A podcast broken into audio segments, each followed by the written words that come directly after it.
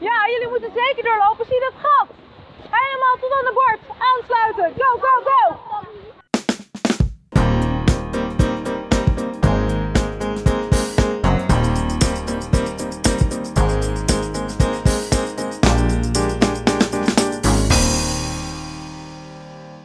Vandaag was dus de eerste dag van de avondvierdaagse.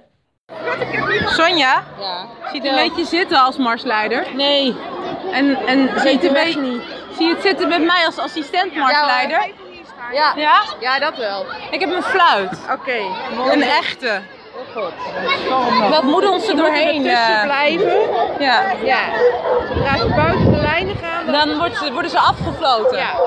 Ik had de dubieuze eer om bezemploeg te zijn. En dan zeg je dus de hele avond dingen zoals... Onderbouwers mogen achteraan zeuren dat ze het moeilijk hebben. Middenbouwers horen vooraan. En ik weet niet of ze hier gewaarschuwd hebben, maar nog titelkinderen die achteraan lopen. Go! Sprinten! Naar het voorste bord! Onze school heeft trouwens t-shirts met een gele kleur. Net zoals een heleboel andere scholen. Dus daar had ik een mooie oplossing voor bedacht.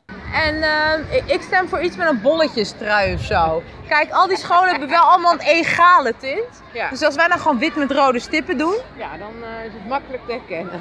Gelukkig liepen we best wel vlot door.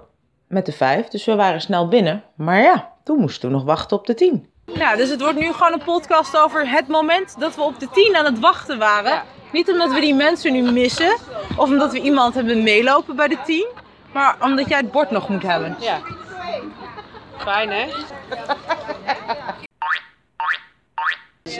Sonja, ik heb het koud. Ik ook, ik ook.